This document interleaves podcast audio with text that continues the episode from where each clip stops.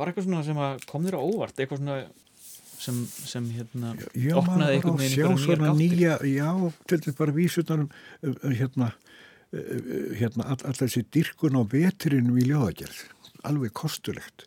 Og svo náttúrulega bara það að leggjast í handrit sem að mjög fáir hafa skoðað og finna eitthvað allt, allt í unn bara, sko, bara fjársjóð. Í, í þjóðabóklöðinu eru handrit frá 15. öld og framöndir 1800 mm. Sem að bóstaflega bara býða eftir einhverjum til að, til að færi gegn sko. Við getum eiginlega ekki skrifa bókmyndasögun en þá.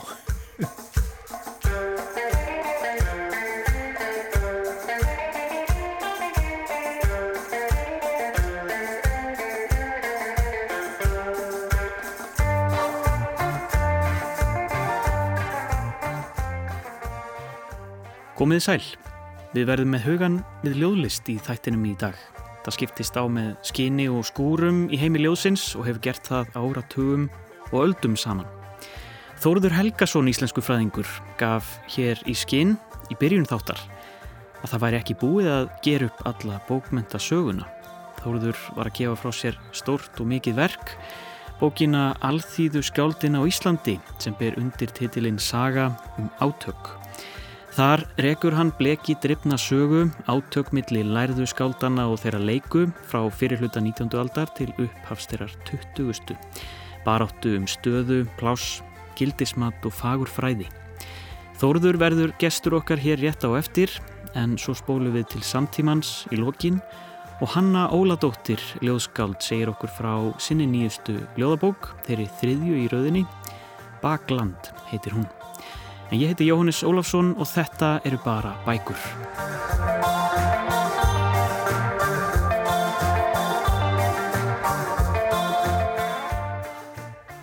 Ég hef verið að glukka í þessari bók hér í veikunni. Alþýðuskáldin á Íslandi, saga um átök eftir Þórið Helgason sem heið Íslenska bókmentafélag gaf út nýlega.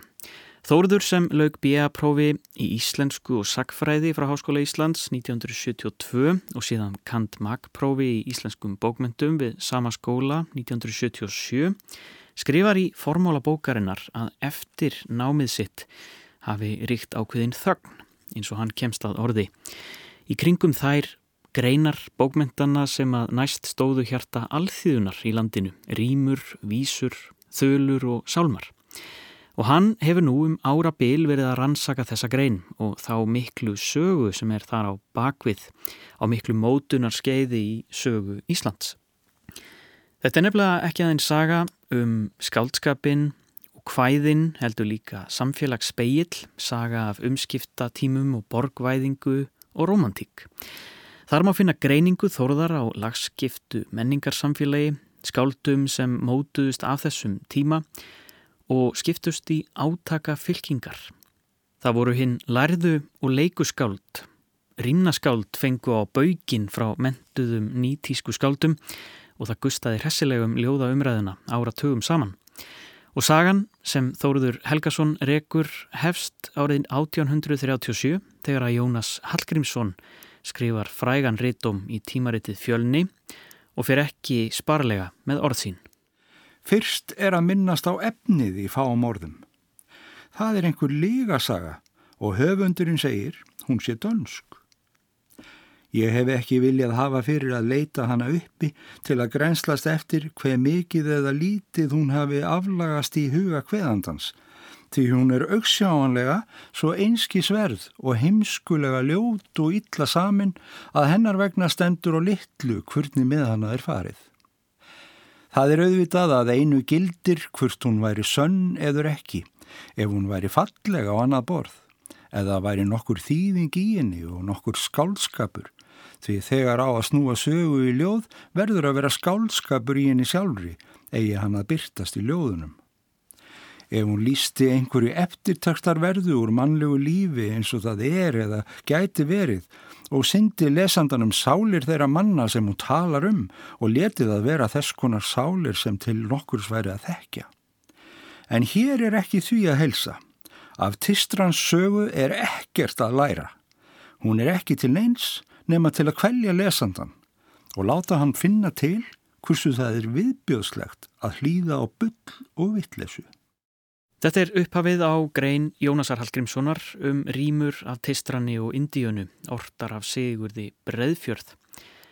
Hlandblöyt tuska í andlit Sigurðar og í raun rýmna hefðarinnar, enda er þetta augnablikið sem Þóruður Helgason og fleiri merkja sem upphaf þessarar átaka sögu sem hann greinir í bókinni Alþjóðu skáldin á Íslandi. Við lestur bókarinnar afvega leitist ég aðeins og ég fór að huglega einmitt þetta átök. Það er ekki algengt í dag að íslensk skáld byrti grein og kalli ljóðabók annars viðbjóð en það er eflaust bara gott. En það er auðvitað menningar stríð, rittdeilur og röggræður á öllum tímum. Fyrir ekki svo löngu hóst hér umræða um menningar auðmagn og aðgengi sumrað menningar vettfangi samfélagsins. Orðum eins og kultúrbörn, nepóbörn var fleikt fram það fólk sem ætti greiðari aðgangað menningar sviðinu og útgáfu vegna sinna vensla við menningarstofnanir eða ættartengsl við mikil smetna listamenn. Þetta fannst mér aðteglisvert að revi upp í samhengi við sögu þóruðarum alþýðu skáldin því kultúrbarna umræðan er þver öfugt við átökinn þarna fyrir rúmum hundrað árum sem þóruður skrifar um. Þar sem lærið skáld nýttu skóin af þeim ólærðu og sögðu þau vinna með lélegan bókmenta arf og ættu ekkert upp á borð. Kultúrbörnin kýla niður. Það reviðast líka upp fyrir mér umræða fyrir fáinum árum. Fór kannski ekki hátt og aðalega á samfélagsmiðlum um munin á strætóljóðum og spýttljóðum. Strætóljóðið sem eitthvað áferðar fallegt og aðgengilegt en spýttljóðið hið óheflaða og grófa. Svona má lengi finna einhvers konar skautun eða hólfa skiptingu, rögræður eða bara reyfirildi um bókmyndir. Svo fór ég líka að hugsa um umræðuna endalösu um dauða ljóðsins. Ljóðið hefur svo margóft dáið og verið nóðað aftur í gang Ein af þekktustu andláts yfirlýsingum ljóðsins var í tímaritinu Lífi og List árið 1950. Þar byrtist viðtal við Stein Steinar með fyrirsögninni Hið hefbunna ljóðform er nú loksins dött. Stein var spurður helduru að ljóðagerð með hinnu nýja formi lifi? Já, það held ég að geti verið. Að minnstakostið hanga til eitthvað annað og betra tekur við. Hið hefbundna ljóðform er nú loksins dött. Það er víst öllum ljóst, jafnvel þjóðskaldunum okkar. Tilraunir ungu skaldana eru að sjálfsögðu ofullkomnar og oftlega misæfnaðar en ég held þó að er beinist í rétta átt eða öllu heldur í þá einu átt sem um er að ræða. Þegar einhver lýsir yfir dauða ljóðsins er yfirleitt að finna einhverja sem segja að það gæti ekki verið því það sé enn rætt um ljóðið og jú, enn komi út heilu staplarnir af ljóðabókum fyrir jólinn. Að fletta upp dauða ljóðsins á tímaritt.is er líka aðteglisvert. Það komaði þetta ótal niðurstöður þar sem þessi tvö fyrirbæri eru nefnd í sömu andrá. Sérstaklega virðist þó dauðin hafa verið yfirvofandi skömmu eftir aldamót og eftir smá grúsk endur uppgötaði ég svo ljóðasapn sem kom út árið 2005 undir merkjum Nýhil, ljóðahóps sem hóf flug sitt þarna á fyrstu árum aldarinnar fyrir um 20 árum. Meirum það öruglega einhvern tíman síðar hér í þessum þætti. En ljóðasafnið sem ég er að tala um heitir Af ljóðum og var í reitstjórn Eiríks Arnar Nordal, reittöfundar og skálds og eins forsprakka Nýhil. Í þessari litlu bók eru samankomin allskinn skáld bæði innlend og erlend stuttar greinar og hugleðingar og fullt af ljóðum. Og í formálanum talar Eirikur um gífulegt magn lélægra ljóða. Þótt góðum bókum fjölgi fækki drastlbókum aldrei, skrifar hann. Vondum skáldum hefur vaksið ásmegin, þau skrifa fleiri og verri ljóð en nokkur sinni fyrr og hann vísar líka í ritt deilur í tímariti máls og menningar við Kristján B. Jónasson, bókundafræðing og útgifanda um dauða ljóðsins og barka þræðingar á því. Formáli Eiríks voru kannski vangaveltur um ljóð slitt fremur en ljóð list. Rafmagnað andrumsloft þarna árið 2005. Ég veit ekki hvort það sé logn í ljóðaumræðinni á Íslandi hér og nú en það er allavega lítið um viðbjóðsleg ljóð og drastlbækur. Kanski nennir fólk ekki að eigða sinni dýru orku í að ráðast til allugu. En þetta var allt saman útutúr og þó ekki. Við ætlum næst að fjallum ljóða átök aftar í tíma. Þóruður Helgason, íslensku fræðingur og kennari var að senda frá sér áður nefnda bók, Alþýðu skáldinn á Íslandi. Áður en við fáum Þór til að segja okkur frá þessari bók skulum við hlusta á örstuðt brot úr þættinum Alþýðu skáldið Sigurður Breðfjörð sem gerður var hér á Rúf ára 1998 í tilhengni þess að 200 ár voru liðin frá fæðingu hans. En Alþýðu skáldið Sigurður Breðfjörð kemur auðvitað mikið við sögu í bók Þóruðar. Eftir fjögur ára útivist snýri Sigurður Breðfjörð aftur heim til Íslands vorið 1818. Skipið kom fyrst til Ísafjörðar og þar stegan af skipsjöl og gerðist beikir hjá Jóni Jónssoni faktor í neðsta kaupstaðarveslun. Innan stundar var Sigurður orðin kunnur um allan Ísafjörð fyrir vísur sínar. Hann var ekki í íllskjaldin og orti sjaldanum menn að fyrrabræði. Þetta voru þyrnalöysar vísur, kerskni og gamans og báru vittni um hérna lettu lund skáldsins sem krafðist ekki annars af lífinu en þeirrar gleði er hann fekk notið af heitri konu og fullri flösku. Þegar ég tók í hundarhand með hægu glingri, fannst mér þegar ég var yngri, eldur lóg á hverjum fingri. Þóruður Helgason, vertu velkomin. Takk. Byrjum kannski bara á því að, að þessi bók sem þú varst að gefa frá þér, Alþýðu skáldin á Íslandi, þú segir að þessi saga um átök og, og ég held að það sé nú bara til þess að ná utanum þessa bóka sé fínt að byrja þar. Þetta er saga um átök milli um, um, um mentun og stöðu, þarna er mikið talað um hérna leiku, hérna lærðu. Og það er svona kannski líkil, líkil átakapunkturinn sérstaklega til að byrja með. Og þú hefur söguna svolítið árið 1837 þegar að eh, Jónas Hallgrímsson skrifar sinn fræga dóm um, í fjölni um, um, um rýmur eh, um hérna, rýmur á Tistrani og, og Indíönu og svo líkur þessari sögu 1930 já. og það er svona þessi tí, tímabil sem þú ert að fást við og, já, já. og búin að vera fást við um, en þú talar jáfnframt um að það, það, þetta á sér ennþá lengri aðdraganda og þú fer allt, allt aftur til sko 17. aldar hvað er það sem heillar svona við, við þetta þessa, þessa átakasögu á þessu, þessu tímabili? eins og kemur fram í bókinni þá eftir háskólanám þá vissi ég afskaplega lítið um alþjóðskóldin. Eh, þar var nú fyrst, í, í, í náminu var fyrst og náttúrulega smiða við á svona viðurkendan skálskap. Mm -hmm. Þannig að, að ég fer í þetta uh, verk bara af eiginlega forvitni og, og, og uh, ég byrja bókin á því til dæmis að velta fyrir mig þessari skilgreiningu sko. Mm. Alþýðu skáld. E, þetta hugtak var ekki til áður. Það ortu ægilega sko prestar, síslumenn og hver sem er ortu rýmur og bjóð til ferðkillur. En svo þarna er bara skipt liði. Það kemur nýr smekkur og hann kemur auðtan mm. og hann var allt í öðruvísi. Þetta kemur með romantísku stefninni sko. Mm. Þannig að fyrsti hluti bókarinn er eiginlega svona það sem ég er að velta fyrir mér sko e, þessum hugtökum sko. Já. Lærðurskáldin voru náttúrulega þau sem höfðu próf úr bestastafskóla eða lærðarskólan og þeir tóku náttúrulega ekki aðra í sátt. Þannig að, að, að á mjög góð skáld þeir detta útfyrir. Já. E, Stefan G.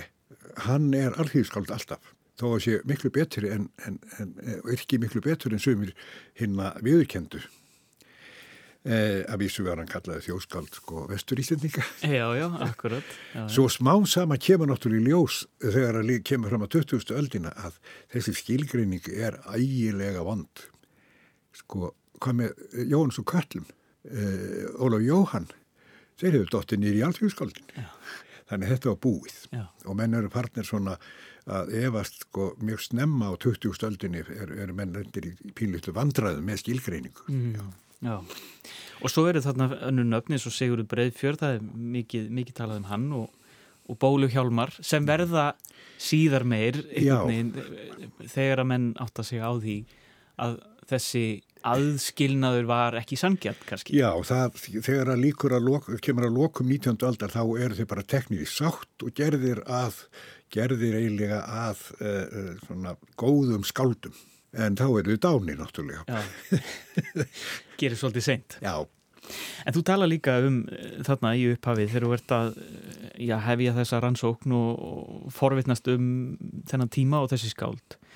Þú talar um að það svona, hafi verið hálfgerð þögn og, og svona ekki, ekki skrifa kannski mikið um þessi átök þó að hafi náttúrulega, þetta er náttúrulega stór hluta bókmyndasögunni að það hafi verið þarna einhver, einhver aðgreining og svona en, en þú ferð alveg á kaff. já, uh, mér langaði til að fara, að, fara djúft í, í sækinnar. Já, akkurat.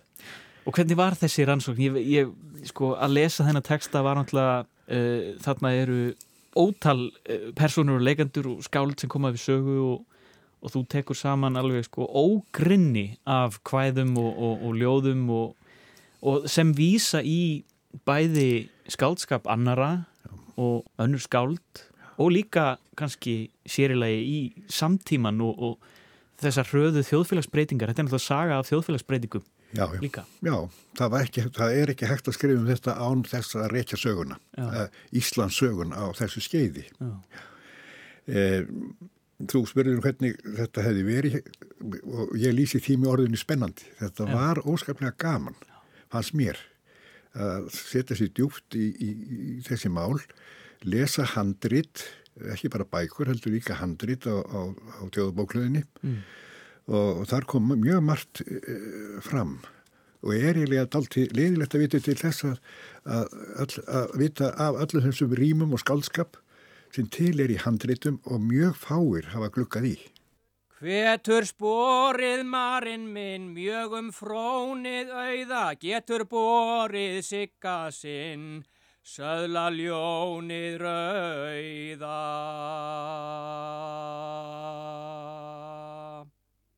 Mér langaði að, að hérna, taka upp þetta með að þetta sé náttúrulega saga um þjóðfélagsbreytingar og um, um samfélagið, hvernig við tókum stakkaskiptum svona uh, á þessu tímabili lók 19. aldar og, og byrjun 20. aldar. Það er heilmart að gerast. Já.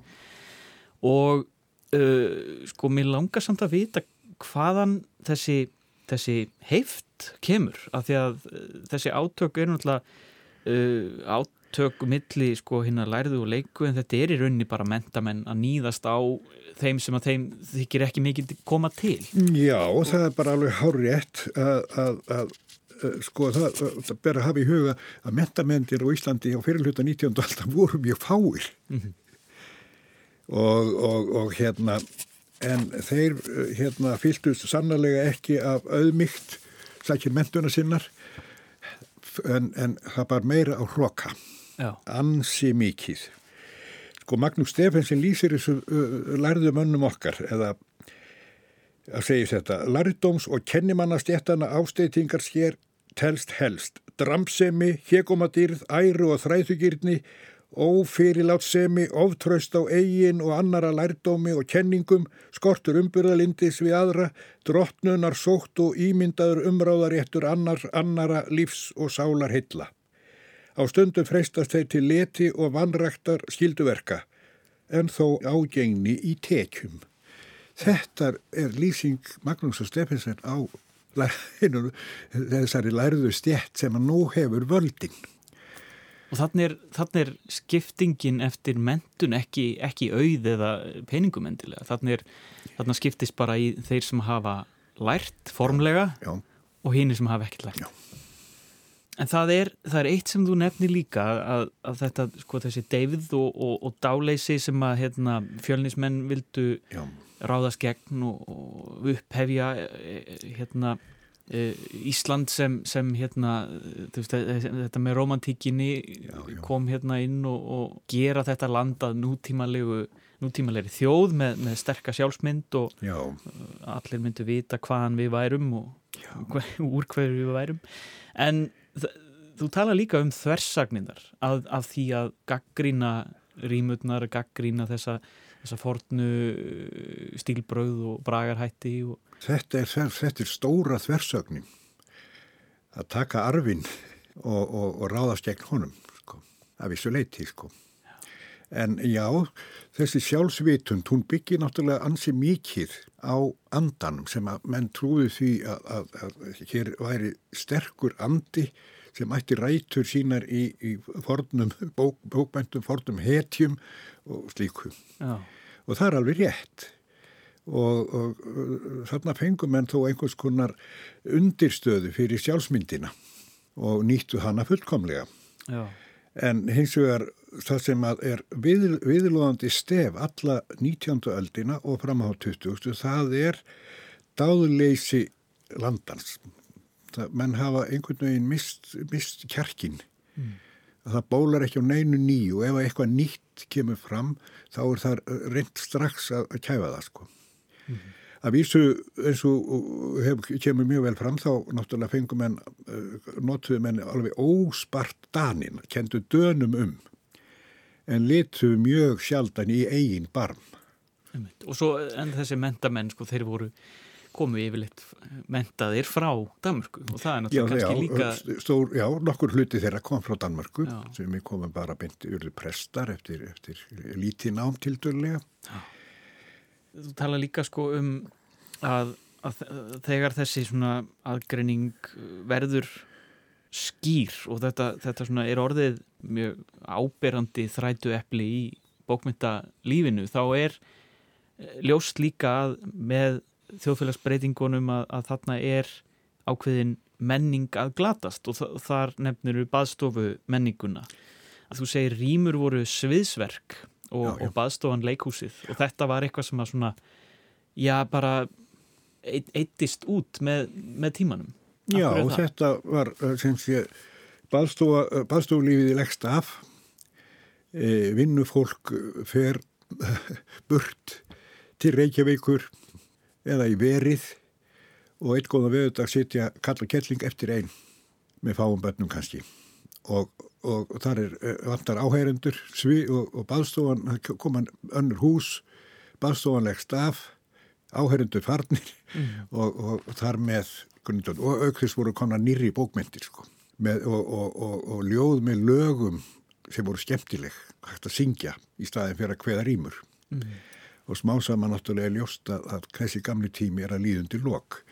Forsíðan á bókinni er til dæmis uh, frá 1930 um það bil og maður sér hérna mikla uh, nostalgíu eftir, eftir því sem var Já, einmitt. Og gildi þess að, að vera saman Já. í, í, í stóru, stóru rými og, eða litlu, Já, já. svona þröngu Já, já. rými. Ég skrifa þetta til líka um, um, um, vet, um vökuna og veturna.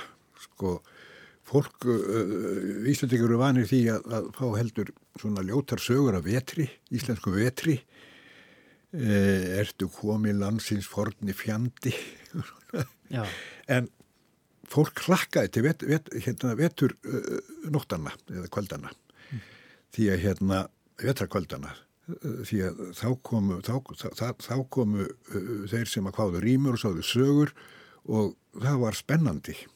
Þannig að, að veturni fá mikið lof einmitt út af þessu. já, þetta er tíminn. Það er tíminn. Hitt var þrældómurinn sko. En þrátt fyrir þetta, e, þá verður náttúrulega að róast aðeins í þessum átökum eftir Já. því sem líður á. Og þú skrifa svolítið um hérna menn sem að svona, já, svona tók upp hanskan fyrir alltíðuskáldum og, mótmæltu þessari svona heift og gaggrinni sem að var Já, já. töluðum að þetta væri nú uh, ætti að líta bókmyndasöguna sem held og þetta væri hluta okkar sko, fólk, poesi. Já, já, já, já. Hvað er það sem breytist þarna? Það er náttúrulega skemmtilegast að breytingin verður auðvitað þessi að fólk fyrir að velta sér fyrir sér stöðu Íslands. hvað, hafa Íslandi, hvað hafa Íslandika við sig?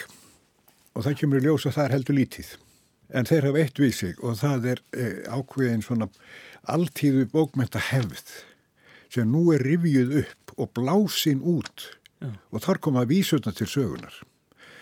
Mönnum var svo tamt áður fyrir að líta bara á, á rýmundar sem eina held en einhvern veginn fara menn að skoða rýmundar sem einstök verk, einstakar, vísur. Og það kemur í ljós að þarna eru, eru ákallega falleg, fallega vísur innan um.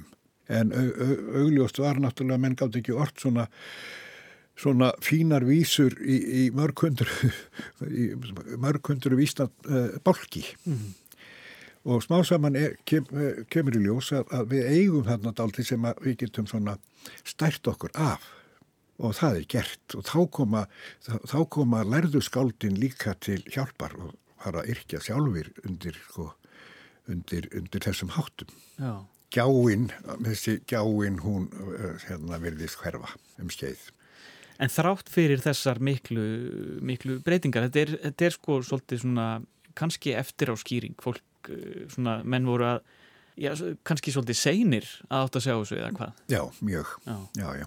Menn Já. bara eiginlega glemdu því að, að rýmur og þessi hefð er mjög merkileg. Mhm. Þetta er okkar hefð, þetta er, er, er, er, hefð sem að, að, hérna, hafði mjög mikil áhrif, bara til með svo íslenska tungu.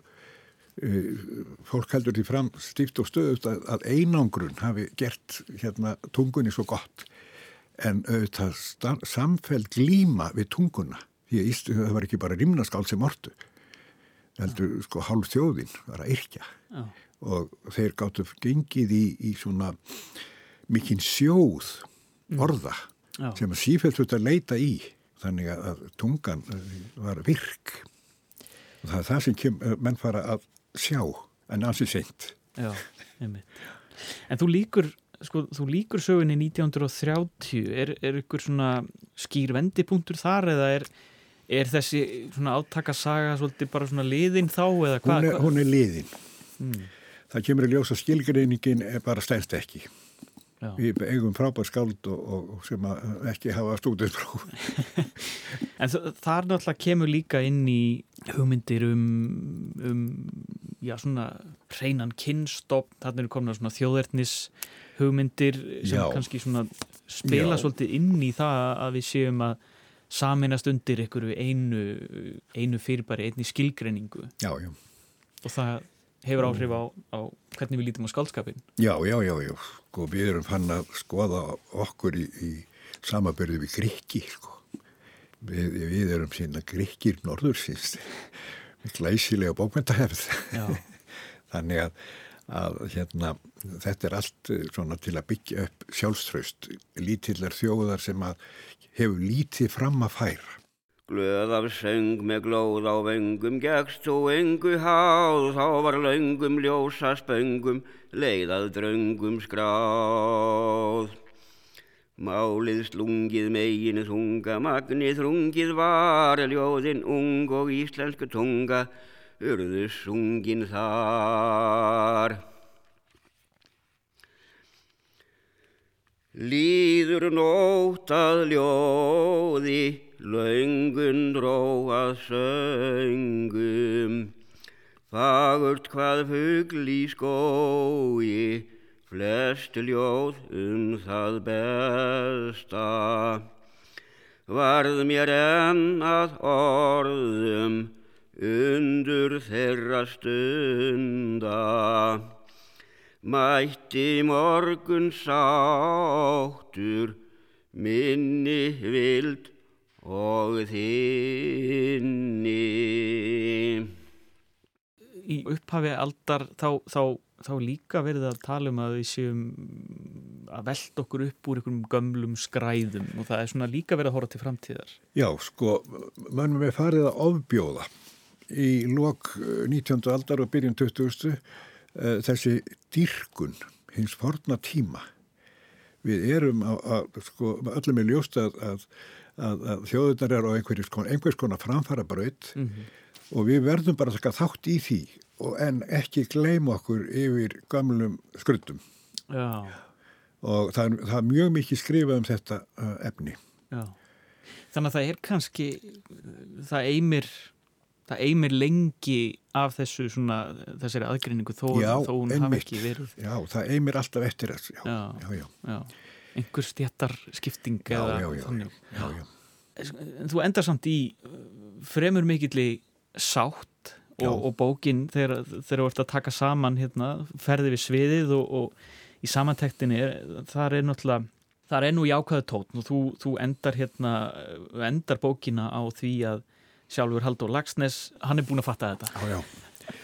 Hver á fætur öðrum uh, uh, skilur að, að þessi uh, bókmenta hefð var mjög merkileg og hafði mikil áhrif og, og var, var þjóðinni bara holl, mm. mjög. Við held, við held ákveðum anda og, og, og mörgu af því sem ekki, sem að, að svona, hefði glimst, mm. Það skipti verulega miklu máli. Haldur Laftnes, Ólaf Jóhann, Haldur Laftnes var nú ekki alltaf alveg sáttur en hann svona sér að sér. Já. En hvernig, að því að, að því við erum náttúrulega að horfa aftur í tíman uh, á þessa eiginlega, já, eiginlega akkurat aldarsögu um átök millir alþjóðskálda og, og, og hinn að lærðu. Já, já. Um, þetta er eiginlega hundra ára saga sem þú ert að fara yfir um, og þarna er heilmikil skáldskapur sem að er hægt að uh, veltast um í og þú, þú hefur gert. En svona hvernig horfir á sko átök á öðrum tímum? Ég menna við erum, erum við ekki alltaf að rífast um, um ljóð og Jú, jú,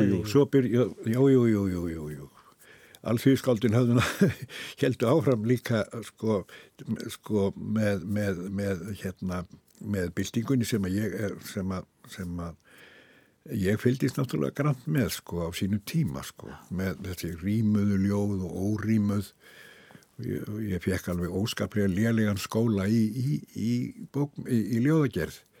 Því ég var aðlast upp því, því að átökin stóðu yfirleitt ekki um skáldskap heldur hvort að veri rýmað ekki. Já.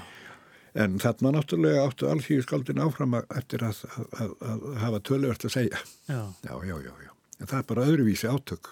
En þarna undir niðri er eru átök um svolítið svona stærri, stærri hluti. Já, já, þetta er ekki já. bara verið að rífast um hvort það sé órýmað eða ekki. Þannig, er, þannig eru menningar átök. Já, já, og, standa kannski enn. Já, já, já, það er mjög augljóst. Já. þetta er alltaf átakasaga, alltaf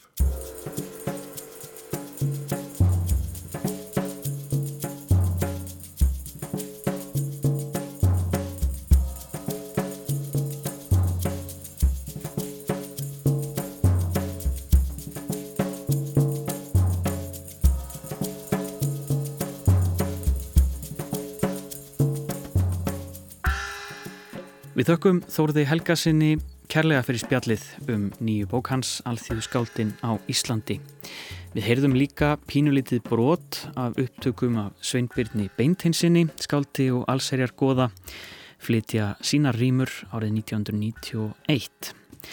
En næst ætlum við að hætta þessu grúski í gömlum kvæðum og gömlu karpi um ljóð. Við ætlum næst að fjallum splungu nýja ljóðabók, Bagland, eftir Hönnu Óladóttur. Hennar þriðju ljóðabók. Bagland er ljóðsaga og segir frá lífi þryggja gjör ólíkra kvenna sem fléttast saman þegar dætur þeirra lenda á villigötum. Þær eru Bagland, barna sinna og hver annarar, en bera sjálfar bakka úr eigin uppvexti. Þetta er bók um áföll, fíkn og kerfi sem bregðast, hvort sem það er velferðarkerfið, lauröklann eða bara sjálft tungumálið.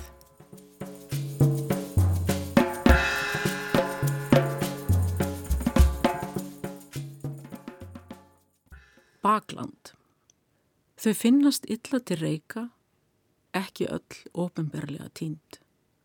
Sum hlaupi hlýjan faðm skelvingu lostina foreldra. Önnur fá ekki einu sinni kaldar kveðjur. Hanna Óladóttir, verður velkomin í þáttinn. Takk að fyrir.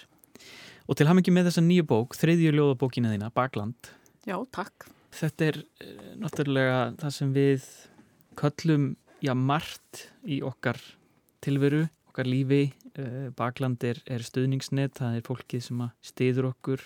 En mér langaði sko líka að, að forveitnist aðeins um bara þetta orð, af því að náttúrulega svona málfræðilega, ég var aðeins að fletta því upp og þetta náttúrulega kemur hálfpartin úr hernaði að einhvern veginn að geta sko haft eitthvað land fyrir aftan sig og það finnst mér bara pínu viðeigandi að því að þessi saga eða sögur Mm af þessum konum þetta er átakasaga þetta er, Já, já. þetta er stríðsaga nánast Já, já. Ég verð að segja það, hérna, já, mér finnst áhugavert að fara að tala um sko, uppruna orðsins. Ég hef bara ekkert pælt í.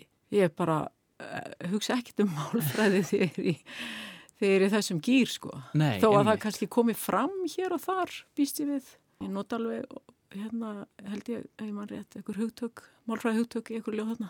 En þetta er alveg tveir ólíkir hattar, Já, málfræðingurinn já. og ljóðskaldið. Já, En segð mér aðeins bara frá þessum, þessari hugmynd, bakland, eh, hvaðan koma þessar, þessar, þessar sögur? það er bara mjög hæfið og skildið fá mig til að lesa þetta ljóð upp af því það er eiginlega þarna, það, þessi hugmynd sko, hvað skiptir miklu máli fyrir já, fyrir, fyrir alla að hafa gott bakland. Og æskan er svolítið mikið þarna í forgrunni. Ég hef hérna rosalega mikið áhuga á fólki og hvað drýfur fólk áfram og hvernig, hvað mótar það. Mm. og það er kannski svolítið þema þessari bók hvað, hva, hvernig maður mótast í æsku og uppvexti og þar skiptir náttúrulega baklandið gífurlega miklu máli. Svona það nánasta bakland, það var stert bakland. En við hugsaum það, maður tölum við eitthvað tímanum að vera með veikt bakland. Annarkvæmt er maður með ste- stert bakland eða ekki. Já. En svo er þetta líka uh, sko að átta sig á því að maður sjálfur verður bakland einhvers annars. Akkurat, og það getur verið uh, það getur verið erfitt og, og það getur verið sko kynnslóða áföll, það getur verið ímislegt við getum verið sjálf verið brotinn og, og hérna ekki nógu stert bakland. Og hérna og við, en, en það er þetta átt að segja á því að maður, maður sjálfur verður bakland annara mm en svo er ímislegt sem að gerist sem að bara þó að bakland sé stert og ég vil þó að, að einstaklingur sé stert bakland að þá ræður hann ekki við sko, aðstæðunar samt. Og það getur mjög erfitt fyrir viðkomandi. Já. Sagan í þessu er uh, þetta er eiginlega saga þryggja kvenna uh, sem allar heita Marja þryggja Marja Mm og þær uh, eiga allar dætur og sem að já, fara út af beinubrautinni í Jú, jú, lífinu, einmitt. ungar. Og uh, leiðast út í bara, já, skuggarliðarnar og neyslu og erfiðleika. Mhm. um, eru þetta sögur sem að þú einhvern veginn sást fyrir þér strax ljóslifandi þessar þrjár konur? Hvaðan, hvaðan kom, kemur þetta? Það er mjög merkilegt sko. Ég, hérna, ég var eiginlega með svona tvær hugmyndir, það er þetta mismundi bakland og svo þessa badnæskuna og þá einhvern veginn bara spruttu þessu konu fram og það er eiginlega tóku yfir. Já, Þannig að, að það er hérna, saga þeirra var einhvern veginn meiri og dýpri og bókin var miklu lengri heldur en ég var svo sem var ekkert búin að ákveða hvað þetta eru mörg ljóð uppalega en það er svona leittum mig áfram og svo er náttúrulega alltaf spurningin að því að ég tala hann í fyrstu personu er ég þarna eina af konunum sko?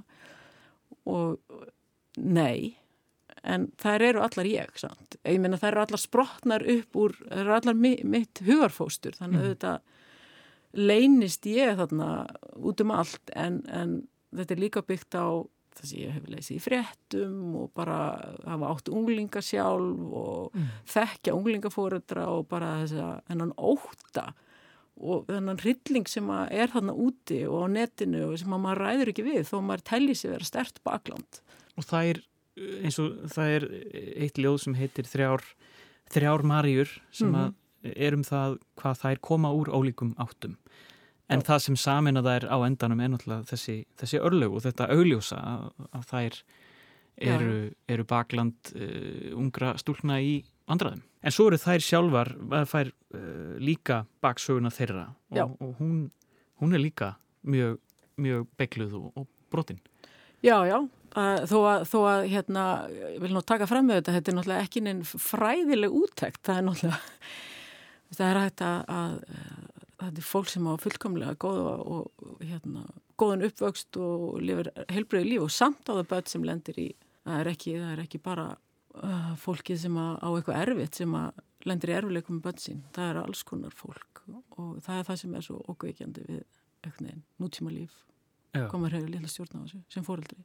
Og líka það að já, vera, telja sig vera sterkan einstakling með uh, og telja sig hafa þetta, þetta góða bakland en samt missa einhvern veginn einstakling út í út í frumskóin eins og þú orðar það í, í einu ljóðinu. Þetta, er, þetta er frumskóir sem, að, sem að það týnast í. Mm Ég er nú svona gengið í gegnum ímislegt og hef raunverulega mist börn sem var nú efni fyrstu ljóðabókar minnar. Já, stokkbreyði Já, en uh, sko það er hægt að missa börn á annan hátt einmitt í þetta hildýpi og, og sem að ég mynda mér að sé geti verið ennþá erfiðara vegna þess að ef að, börn vegna út af sjúkdómi Já. þá, þá er bara stendur fólk algjörlega berskjáldaga hvert mátarveldunum en þegar það er eitthvað svona mannlegt að það er, þá er sjálfs ásökun svo skamt undan eins og ég reynir svolítið að vinna með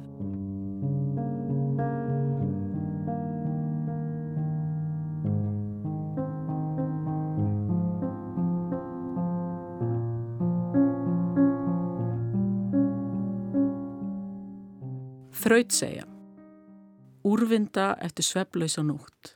Verða mæta til að halda vinnunni. Gólf þarf að þó klósett að hreinsa glerað fæja. Neyði mig fram úr taka strætó, helsa vinnufélagunum halda andlitinu halda áfram.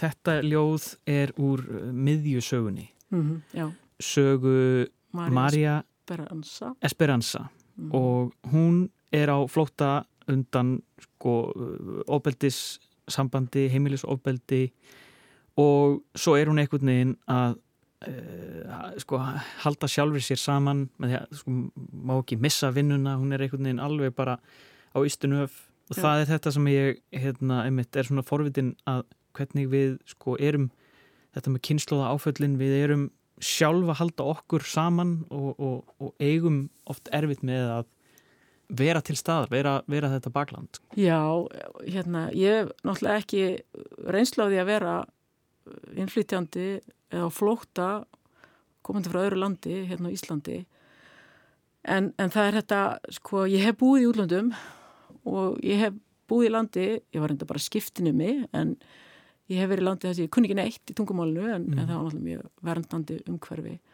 en það er þetta að hafa engan aðganga kerfinu sko. Við kunni ekkit á þá, við ekki hvernig að tala við. Þú veist, Íslandingar geta margir hverjir kannski, tekið upp síman og ringt í eitthvað sem að var með þeim í skóla og er núna lagfræðingur og fengið eitthvað ráðleggingar. En, en fyrir fólk sem að sem ekki hefur þetta bakland. Já, Þannig að Ísland- félagslega bakland. Maður getur líka litið á Ísland sem bakland fyrir, fyrir okkur sem að erum all upp hérna og höfum eru búin að vera að byggja okkar tengslanett óavitandi í gegnum allt lífið að þá er þetta náttúrulega ekstra erfitt að alltaf halda áfram Og fólk verður kannski svolítið blind á það að svona, verður allt út í sko tilætluna samt að, að kerfið redda okkur bara, að grípa okkur. Já, já, svo er það sá, uh, hérna, sá hluti, sko. En það er spurning þegar börn eiga ekkert bakland, hvernig kerfi bregst við. Það er það sem við viljum, að það virki þegar fóreldrarna nýtur ekki við. Það er líka þetta með tungumálið að því að þú kemur úr málfræðinni, úr, úr tungumálaransóknum og, og svo ertu í, í ljóðagerðinni. Það kemur líka að, að nota tungumálið sem, þú veist, það er líka ákveðin hindrun fyrir innflytjendur að, hafa ekki aðgang að, sko, alla að mista kosti strax einhvern veginn þessu, þessu tungumála baklandi að, geta, geta tjáð sig og geta sagt frá bæði sínum áföllum og, og því sem er að gerast í, í, í kringu það, sko. Það er líkillin að, að, að hérna, þjóðfélaginu, samfélaginu, það er tungumálið.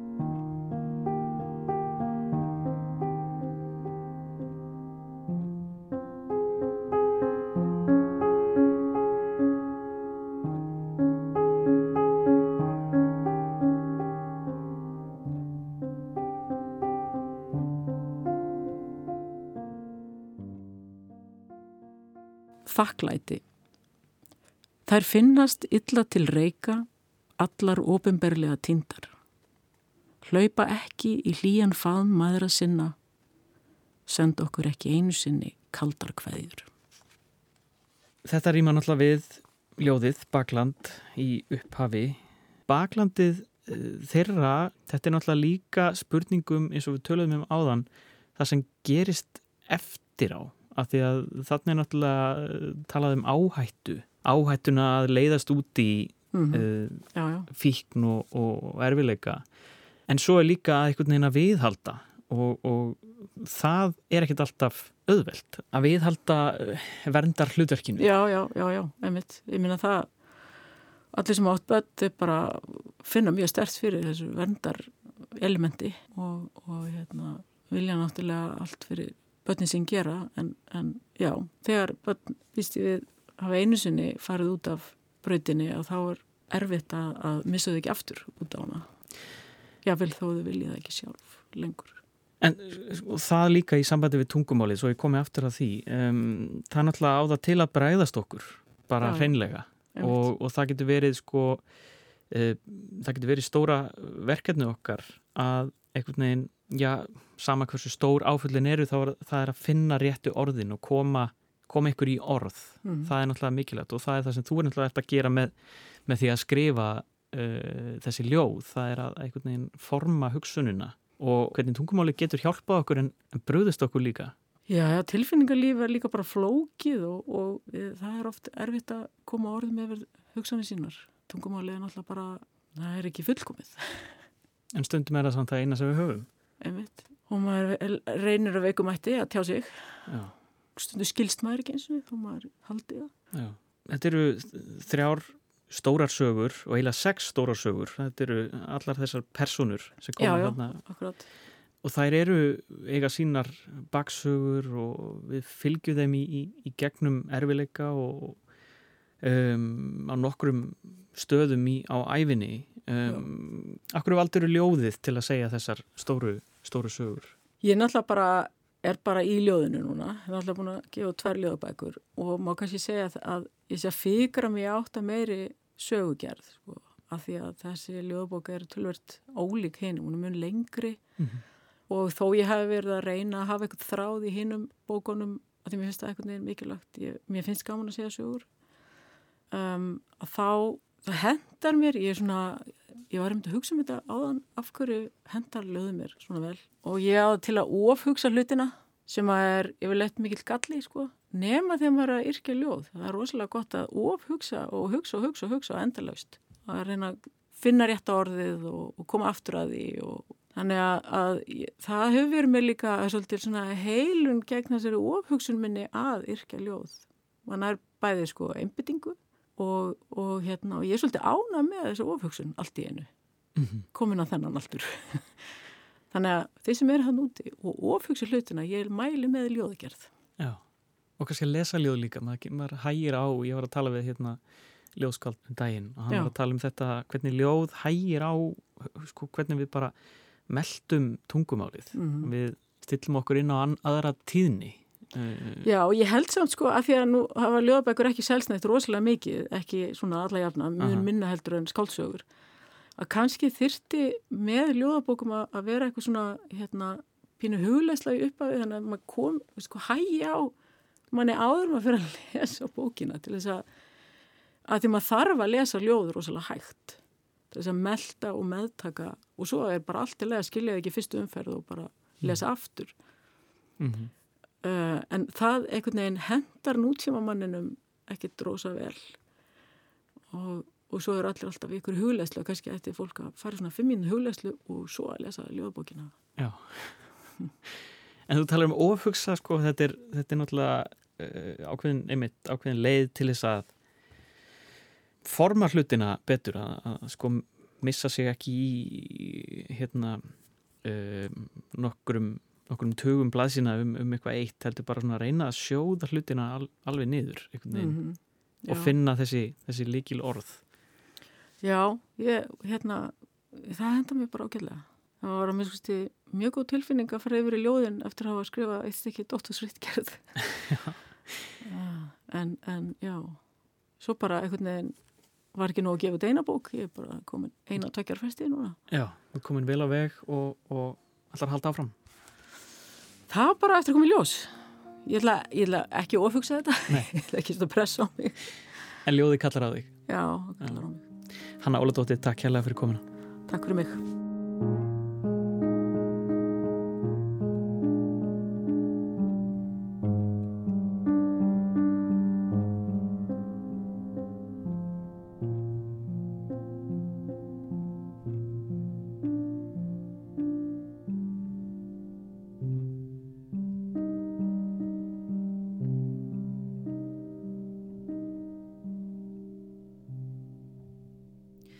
Það er komið að lokum þessa þáttar. Við þökkum hönnu Óladóttur kellaði fyrir spjallið um sína ljóðagerð. Bara bækur snúa aftur eftir viku en hlustendur geta sendt spurningar og aðtöðasendir á netfang þáttarins bara bækur hjá rúf.is og fylgst með mér á Goodreads bara Jói þar sem ég reyni að deila mínum lestri og hugleðingum í óðum. Tæknumæður var Magnús Þorstedt Magnússon, ég heiti Jóhannes, takk fyrir að hlusta.